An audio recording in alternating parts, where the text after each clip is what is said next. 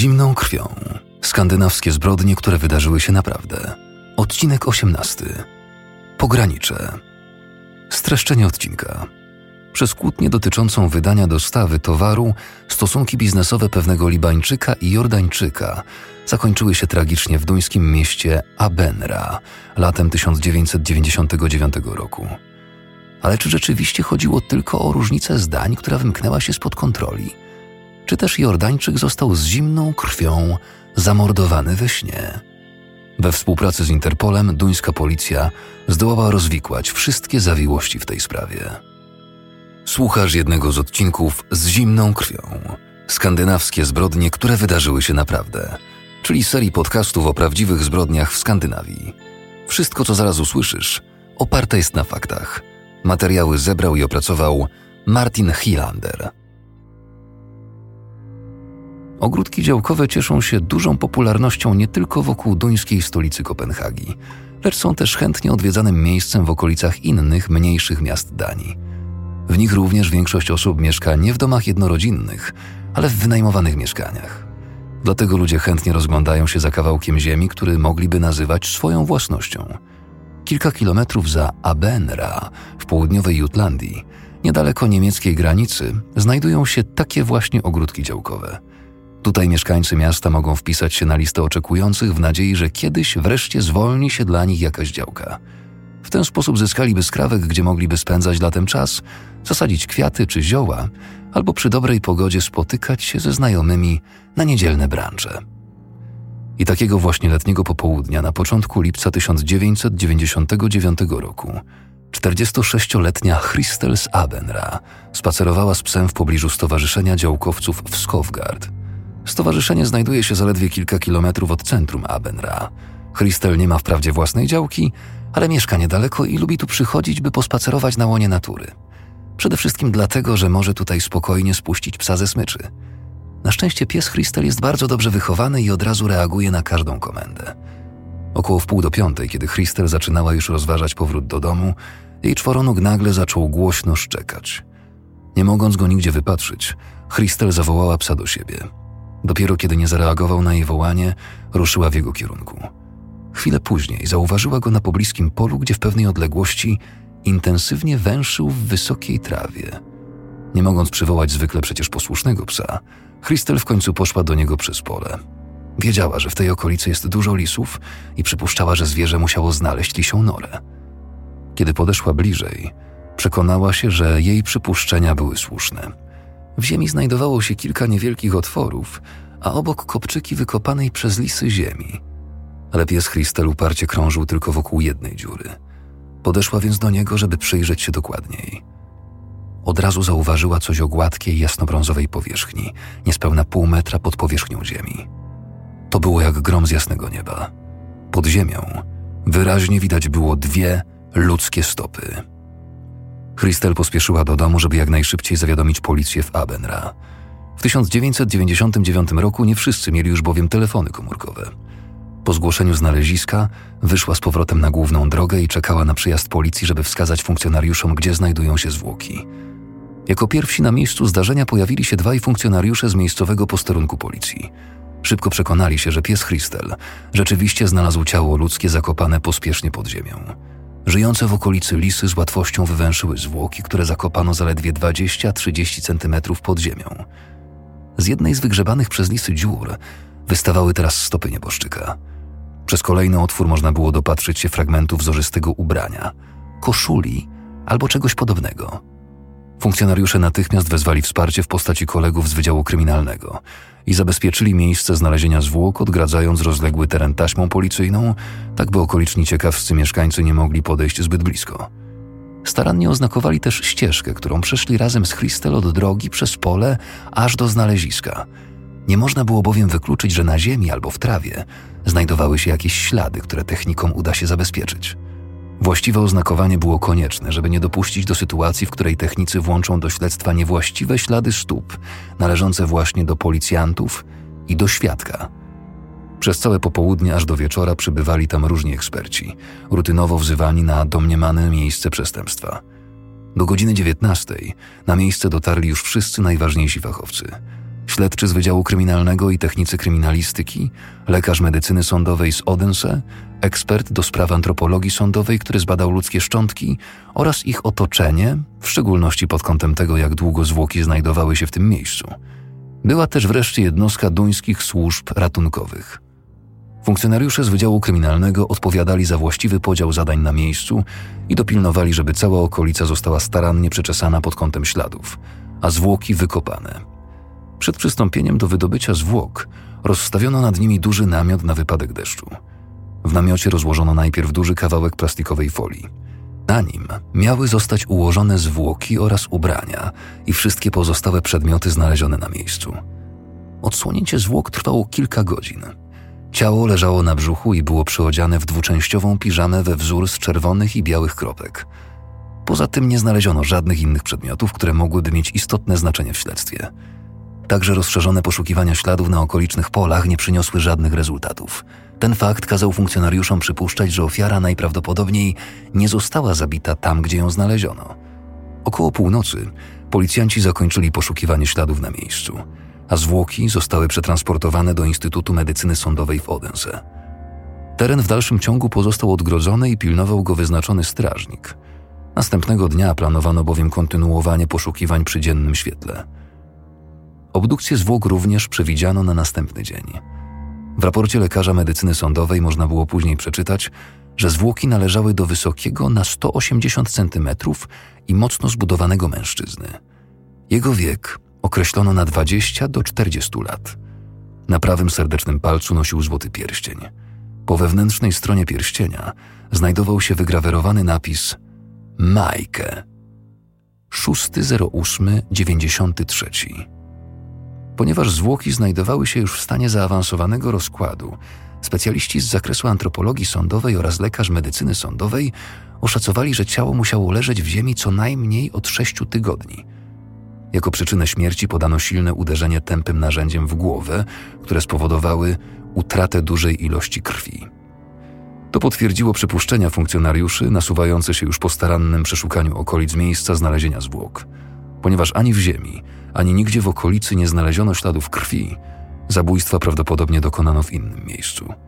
Nie było też już żadnych wątpliwości co do tego, że zakopanie zwłok miało służyć do zatuszowania najcięższego przestępstwa według duńskiego prawa morderstwa. Lekarz medycyny sądowej pobrał odciski palców i sporządził wycisk uzębienia ofiary. Ponadto pobrał też z ciała materiał komórkowy do przeprowadzenia analizy DNA. Odciski palców porównano z danymi zgromadzonymi w policyjnej bazie danych. Wycisk zębów przesłano do wszystkich duńskich lekarzy stomatologów, żeby przychodnie mogły porównać je z kartami pacjentów. Równolegle policja sprawdzała listę osób zaginionych. Minął tydzień, ale nadal nie zdołano zidentyfikować ofiary ani za pośrednictwem danych pacjentów stomatologicznych, ani metodą weryfikacji innych baz danych. Z dostępnymi informacjami policja zwróciła się więc do Interpolu, który dysponuje międzynarodową bazą danych osób zaginionych i poszukiwanych.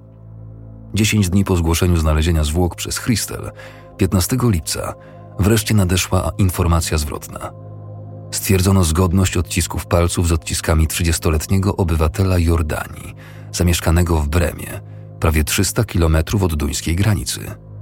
Mężczyzna nazywał się Wael Amer i 9 czerwca zgłoszono jego zaginięcie. Jego była żona ma na imię Majkę. Kobieta została odnaleziona i poinformowana o zwłokach znalezionych w duńskiej miejscowości Aberna. Ona z kolei przyznała, że Wael, choć jego zaginięcie zgłoszono dopiero w czerwcu, zniknął najprawdopodobniej już 10 maja. Duńska policja przekazała część materiałów niemieckiemu Federalnemu Urzędowi Kryminalnemu. Znaleziono co prawda zwłoki, jednak zarówno motyw, jak i miejsce popełnienia zbrodni oraz sprawca w dalszym ciągu pozostawały nieznane. Policja w Abenra zwróciła się do niemieckich kolegów z prośbą o pomoc w sprawdzeniu tamtejszych adresów związanych z zamordowanym Jordańczykiem. W Bremie niemieccy funkcjonariusze weszli do mieszkania Waela. Nikogo w nim jednak nie zastali, ponieważ Wael i Majke nie mieszkali razem – w tym samym czasie inni funkcjonariusze udali się na adres firmy Waela, znajdującej się kawałek za miastem. Tutaj wreszcie pojawiły się interesujące wskazówki. Na kilku drzwiach w budynku stwierdzono m.in. ślady włamania. Trudno było jednak ustalić, czy coś skradziono. Policja przeprowadziła pierwsze przesłuchania. żeby ustalić miejsca, w których przebywał Wael w okresie od zaginięcia na początku maja do 5 lipca, kiedy odnaleziono jego zwłoki. Przesłuchano świadków mieszkających najbliżej jego miejsca zamieszkania. Powoli też zaczęły krystalizować się pierwsze hipotezy co do podejrzeń. Świadkowie zeznali, że w połowie maja trzy nieznane osoby weszły do mieszkania Waela, a następnie opuściły je, wynosząc meble i ubrania. Jeden ze świadków przypomina sobie rzekomo, że te trzy osoby korzystały też ze wspólnej pralni w budynku, gdzie próbowały nastawić pranie w bardzo wysokiej temperaturze. Inny świadek zeznał, że te same trzy osoby odjechały samochodem dostawczym należącym do wypożyczalni samochodów Europcar. Na ten moment nie było jeszcze pewności, czy i w jakim stopniu miało to związek z zamordowaniem Waela. Przesłuchanie jego byłej żony Majkę przez niemiecką policję nie dało żadnych podstaw, by przypuszczać, że mogła mieć coś wspólnego ze śmiercią byłego męża. Jednak kilka udzielonych przez nią informacji okazało się bardzo istotnych na późniejszym etapie śledztwa. W momencie zniknięcia Wael prowadził interesy z pochodzącym z Libanu mężczyzną nazwiskiem El Gadban, zamieszkałym w Wejle na północ od Abenra. Chodziło o dostawę obuwia zamówionego przez El Gadbana u Waela w Niemczech. Towar miał zostać wysłany do Libanu. Ponieważ jednak nadszedł maj, a dostawa wciąż nie została opłacona, Wael nie chciał zgodzić się na wydanie towaru z kontenera w Bejrucie. Majka była zdziwiona faktem, że Wael został zamordowany w Danii. Mimo, że nie mieszkali razem, utrzymywali codzienny kontakt ze względu na ich czteroletnią córkę. Zwykle informował byłą żonę, jeśli musiał wyjechać z Bremy w interesach. Oprócz niewyjaśnionych śladów włamania do biura Waela, konflikt pomiędzy zamordowanym a El Gadbanem dotyczący zwolnienia dostawy obuwia był jak dotychczas jedynym podejrzeniem, do którego dotarli śledczy i które mogłoby stanowić motyw przestępstwa. Pracownicy niemieckiej i duńskiej policji ściśle współpracowali w celu zlokalizowania rzeczonego obuwia. Znalezienie butów w Libanie nie było łatwe i wymagało dużo pracy. Policjanci byli jednak optymistyczni. Dwa kontenery zawierające łącznie 13 tysięcy par butów nie mogły przecież rozpłynąć się w powietrzu. Ich wysiłek opłacił się już po kilku tygodniach. Władze portu w Bejrucie otrzymały pod koniec maja serię faksów podpisanych przez Waela. Zatwierdził w nich wydanie dwóch kontenerów na rzecz mieszkającego w Bejrucie brata El Gadbana – Problemem był jedynie fakt, że w momencie wysłania faksów opatrzonych jego podpisem Wael, zgodnie z raportem z obdukcji, znajdował się w stadium zaawansowanego rozkładu kilkadziesiąt centymetrów pod ziemią na terenie Stowarzyszenia Działkowców na przedmieściach Abenra w Danii. Dlatego policja przypuszczała, że różnice zdań pomiędzy Waelem a El Gadbanem na temat tej właśnie dostawy mogły być motywem przestępstwa. Ponadto przypuszczano też, że El Gadban brał udział w morderstwie. Za pośrednictwem Interpolu zlecono poszukiwania Libańczyka. Nie minęło wiele czasu, a w sprawie nareszcie zaczęło się coś dziać. 26 lipca z posterunkiem policji Wabenra skontaktował się świadek, który wiedział wprawdzie z mediów o zamordowaniu Jordańczyka, jednak postanowił skontaktować się z policją dopiero teraz, kiedy podano także jego imię Wael.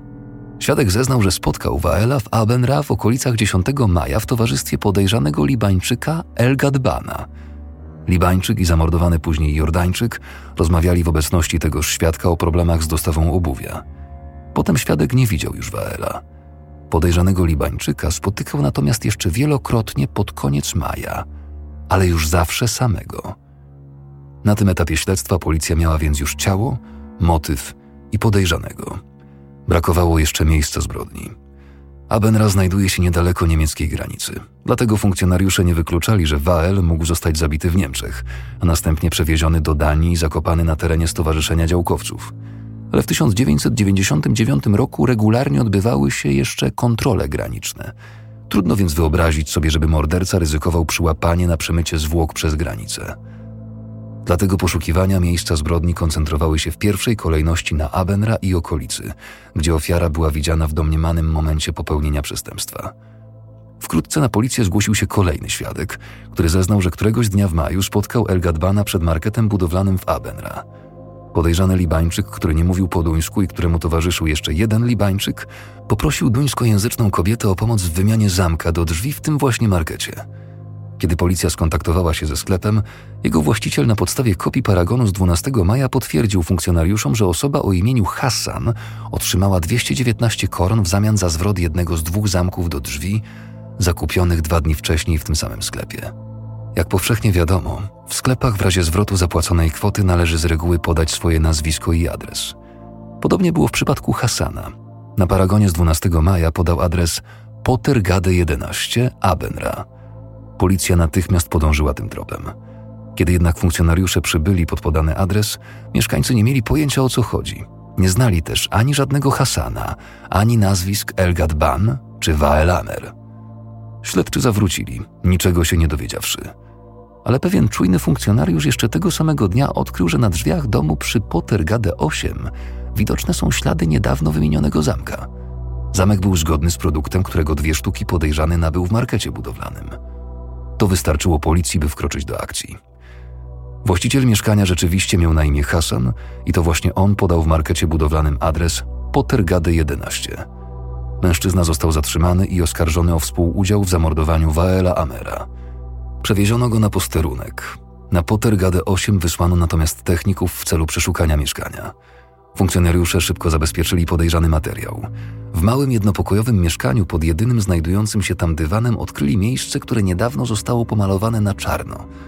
Na zewnętrznej krawędzi przemalowanego obszaru technicy kryminalistyki znaleźli czerwonawą substancję.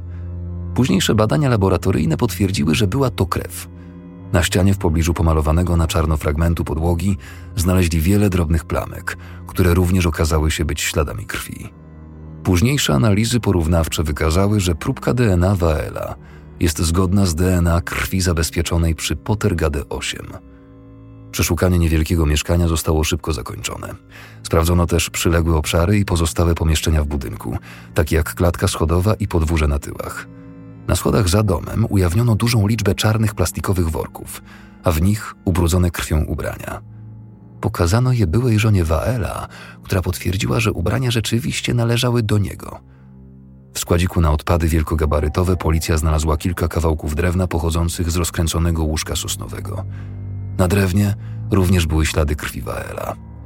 Zadaniem policji było więc obecnie znalezienie mężczyzny podejrzanego o zamordowanie i zakopanie Waela. W Danii widziano go po raz ostatni w maju. Potem ślad się urywał. Także niemieckie urzędy nie miały żadnej informacji na temat miejsca jego pobytu. Podczas poszukiwań działania duńskiej policji i Interpolu koncentrowały się więc na jego ojczystym Libanie. I rzeczywiście, Elgad Ban został zatrzymany 28 września 1999 roku w Bejrucie. W styczniu 2000 roku wreszcie sfinalizowano jego ekstradycję do Danii. Przed przesłuchaniem głównego podejrzanego konieczne jest zebranie konkretnych materiałów dowodowych, które potwierdzą, że w chwili popełnienia przestępstwa dnia 10 maja 1999 roku Elgad Ban przebywał w Danii. Pomocni okazali się tutaj koledzy ze Straży Granicznej na południu kraju. Weryfikacja dostępu do centralnej bazy danych duńskiej policji wykazała bowiem, że nazwisko Elgad Ban zostało wprowadzone do bazy rankiem 10 maja o godzinie 4.23. Nazwisko sprawdzał funkcjonariusz Straży Granicznej po duńskiej stronie w Kruso. Jeden z funkcjonariuszy Straży Granicznej pamiętał jeszcze tamten poranek, ponad trzy miesiące później. Powiedział, że właśnie tego ranka przez niemiecko-duńską granicę przejechał Ford Focus na niemieckich numerach rejestracyjnych z trzema pasażerami o południowym wyglądzie. Samochód kierował się na północ. Niestety nie był to ten sam nad wyraz uważny funkcjonariusz Straży Granicznej, który sprawdzał nazwisko Elgad Ban w centralnej bazie danych policji. Komputer na posterunku Straży Granicznej w Krusza nie zarejestrował tej nocy żadnego innego wyszukiwania. Funkcjonariusz, który pełnił wówczas służbę na przejściu granicznym, wpisał najprawdopodobniej tylko nazwisko kierowcy, a pozostałych pasażerów już nie. Policja nie była więc w stanie ustalić ich tożsamości. Można jednak przypuszczać, że jednym z nich był zamordowany Wael. Dalsze analizy centralnej bazy danych duńskiej policji wykazały, że 13 maja wieczorem Elgad Ban raz jeszcze przekroczył granicę, tym razem kierując się na południe. Podróżował furgonetką należącą do wypożyczalni samochodów Europcar na duńskich numerach rejestracyjnych. Policja skontaktowała się niezwłocznie z tą firmą, która potwierdziła, że furgonetka została wypożyczona dwóm mężczyznom o południowym wyglądzie 12 maja w Abenra, a następnego wieczora została zwrócona w wypożyczalni. Stan licznika w chwili zwrotu pojazdu wskazywał, że przejechano nim 675 kilometrów. Jest to niemal dokładna odległość od Abenra do Bremy, gdzie znajdowała się siedziba firmy i miejsce zamieszkania Waela i z powrotem. Podejrzenia wskazujące na El coraz bardziej przybierały na sile. Ale do kogo należał niemiecki Ford Focus, którym trzech obcokrajowców wjechało do Danii 10 maja? Niemiecka policja szybko udzieliła odpowiedzi na to pytanie. W taborze jednej z tamtejszych wypożyczalni samochodów brakowało bowiem dokładnie tego czarnego Forda Focusa, wypożyczonego przez Waela w maju. Samochodu nigdy nie zwrócono. Należało zatem przyjąć, że 10 maja Wael wjechał do Danii razem ze swoim domniemanym mordercą wypożyczonym przez siebie samochodem. Ale pod jakim pretekstem partner biznesowy i morderca Waela zdołał zwabić swoją ofiarę do Abenra? Odpowiedzi na to pytanie funkcjonariusze właściwie nigdy nie otrzymali. Śledczy przypuszczają jednak, że obaj mężczyźni musieli umówić się na dalsze negocjacje w sprawie dostawy obuwia w domu El Gadbana przy Pottergade 8 w Abenra, tam gdzie później doszło do morderstwa. W październiku 1999 roku w porcie w Kolding wyłowiono z wody czarnego Forda Focusa. Zabezpieczone w samochodzie ślady doprowadziły funkcjonariuszy do dwóch duńskich przestępców, którzy zeznali, że dwóch nieznajomych im obcokrajowców zapłaciło im za pozbycie się samochodu. Rzeczeni obcokrajowcy zostali następnie zidentyfikowani jako Elgad Ban i Hassan, przebywający już wówczas w areszcie właściciel mieszkania przy Pottergade 8. Zanim został doprowadzony na przesłuchanie, Elgad Ban spędził w areszcie śledczym w Abenra cały tydzień. W międzyczasie zebrano tyle wskazówek, że sprawa wydawała się rozwiązana. Już podczas pierwszego przesłuchania w styczniu 2000 roku Elgad Ban przyznał się do zamordowania Waela Amera w mieszkaniu przy Pottergade. Zaprzeczył jednak zarzutowi zabójstwa umyślnego, twierdząc, że działał w afekcie, ponieważ jego partner biznesowy uparcie wzbraniał się przed zwolnieniem dwóch znajdujących się w Bejrucie kontenerów z obuwiem. El Gadwan zeznał, że do morderstwa doszło wieczorem. Przez cały dzień próbował przekonać swojego jordańskiego kontrahenta do wydania mu tych 13 tysięcy parbutów. Ale Wael był nieugięty i upierał się, że transakcja będzie zakończona dopiero wtedy, kiedy albo El Gadban, albo jego brat w Bejrucie zapłacą pozostałą część kwoty sprzedaży. Wieczorem, kiedy obaj mężczyźni mieli już położyć się spać, kłótnia rozgorzała na nowo. Jak twierdzi El Gadban, nagle ogarnęła go wściekłość. Uderzył Waela leżącym w mieszkaniu Hasana kawałkiem metalowej wagi. Twierdził przy tym, że ani przez chwilę nie miał zamiaru zabijać swojego kontrahenta. Ale po całym długim dniu nieudanych negocjacji Libańczyk stracił panowanie nad sobą. Jego dalsze interesy były uzależnione od realizacji tej transakcji, a wszystko wskazywało na to, że Wael chciał wracać do Bremy jeszcze przed osiągnięciem porozumienia. W oczach policji wyjaśnienie El Gadbana nie było wiarygodne. Morderstwo w afekcie było mało prawdopodobne, ponieważ podczas obdukcji Waela stwierdzono, że śmierć nastąpiła na skutek co najmniej ośmiu silnych ciosów zadanych tępym narzędziem, a już nawet jedno takie uderzenie wystarczyłoby, żeby zabić. Śledczy przedstawili El Gadbanowi swoją teorię na temat przebiegu przestępstwa. Morderstwa dokonał umyślnie, a ilość ciosów miała zagwarantować, że ofiara na pewno już więcej się nie podniesie. Skonfrontowany z tym punktem widzenia, El Gadban poczuł się zapędzony w kozi róg. Niespodziewanie w ogóle nie mógł już sobie przypomnieć, żeby w ogóle uderzył Waela. Pamiętał natomiast, że w mieszkaniu doszło do walki i przypominał sobie też, o co chodziło z wymianą zamka w drzwiach. Kiedy zrozumiał, że Wael nie żyje, ogarnęła go panika. Czy to możliwe, że ktoś jeszcze ma klucz do mieszkania? Aby zyskać czas na pozbycie się śladów, rankiem wtajemniczył Hasana w niepomyślny przebieg wydarzeń minionego wieczora. Obaj Libańczycy udali się samochodem na poszukiwanie sklepu, w którym będą mogli kupić zamek do drzwi. W markecie budowlanym na przedmieściach Abenra znaleźli wreszcie to, czego szukali. Po zamontowaniu nowego zamka mogli w spokoju zająć się zacieraniem śladów. Zamalowali plamy krwi na podłodze i wynieśli zakrwawione meble na podwórze, po czym zawieźli zwłoki na teren Stowarzyszenia Działkowców i tam je zakopali. Oficer prowadzący przesłuchanie z kamienną twarzą wysłuchał wyjaśnień Elgadbana. Do zabójstwa w afekcie nie pasował opis usuwania śladów przedstawiony przez Elgadbana z zimną krwią. A jaka była w tej całej sprawie rola Hasana? Elgadban wyraźnie odetchnął, kiedy oficer prowadzący przesłuchanie na chwilę zmienił temat i przeszedł od wydarzeń z nocy morderstwa do tego, co działo się w dniach bezpośrednio przed nim. Szczegółowo opowiedział, jak razem z dwójką znajomych dwa dni po morderstwie pojechał wypożyczonym samochodem do Bremy. Tożsamości wymienionych przy tej okazji osób policjanci nigdy nie zdołali w pełni ustalić. Jedną z nich był najprawdopodobniej Hassan. W Bremie włamali się do biura Waela i znaleźli tam dokumenty potrzebne im do sfałszowania dokumentacji dla urzędów celnych w Bejrucie, by zwolnić kontenery. Furgonetką wypożyczoną od firmy Europcar wywieźli też część zakrwawionych ubrań oraz dywan z mieszkania przy Pottergade. We wspólnej pralni budynku mieszkalnego w Bremie mężczyźni we trzech próbowali wyprać w pralce przywiezione ze sobą rzeczy. Wreszcie jednak się poddali, bo plamy z krwi nie dawały się nawet wygotować.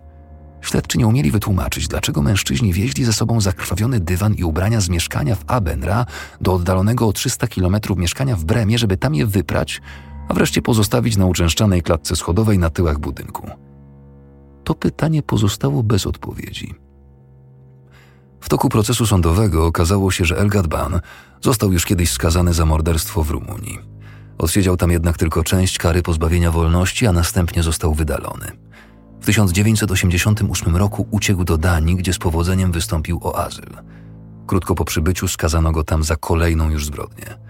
Ze względu na swój status azylanta nie mógł jednak zostać wydalony do Libanu, ponieważ urzędy wychodziły z założenia, że w ojczyźnie jego życie byłoby zagrożone. Prokurator wnosił o karę 12 lat pozbawienia wolności za umyślne spowodowanie śmierci oraz, biorąc pod uwagę kryminalną przeszłość El Gadbana w kraju i za granicą, o wydalenie go z Danii po odbyciu kary. El Gadban i jego adwokat w dalszym ciągu twierdzili, że było to działanie w afekcie. Sprawa dotyczy więc zabójstwa, przestępstwa, za które grozi znacznie łagodniejsza kara pozbawienia wolności niż za morderstwo. Jednak ani El Gadban, ani jego adwokat nie byli w stanie wyjaśnić dwóch okoliczności towarzyszących przestępstwu. Eksperci kryminalistyki udowodnili, że sprawca musiał działać umyślnie, prawdopodobnie kiedy ofiara spała albo co najmniej leżała już w łóżku. Z jednej strony analiza miejsca zbrodni wskazuje, że plamy krwi na ścianie mieszkania znajdowały się na wysokości odpowiadającej wysokości łóżka Waela, tego samego łóżka, którego kawałki policja znalazła na podwórzu. Do tego dochodzi fakt, że Wael został zakopany w piżamie. Sędzia i przysięgli po krótkiej naradzie przychylili się do argumentacji przedstawionej przez policję. Wael został zwabiony do Danii i zabity w cudzym łóżku. W wyniku rozprawy El Gadban został skazany na 12 lat pozbawienia wolności, a po odbyciu połowy tej kary miał zostać pozbawiony prawa pobytu w Danii i wydalony z kraju. W 2005 roku odesłano go do Libanu. Hassan, który przyznał się do pomocy w ukryciu zwłoki do wymiany zamka w drzwiach do mieszkania, został skazany na karę 40 dni pozbawienia wolności za współsprawstwo w morderstwie i zbezczeszczenie zwłok. Nigdy nie znaleziono natomiast trzeciego mężczyzny, który razem z pozostałą dwójką przyjechał wypożyczonym samochodem z Bremy. Cała sprawa zaczęła się od braku porozumienia pomiędzy partnerami biznesowymi i dostawy 13 tysięcy par butów, które utknęły w porcie. A zakończyła się ujawnieniem przyodzianych w piżamę zwłok na terenie Stowarzyszenia Działkowców na południu Danii.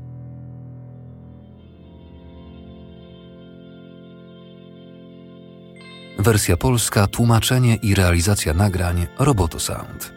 Czytał Filip Kosior.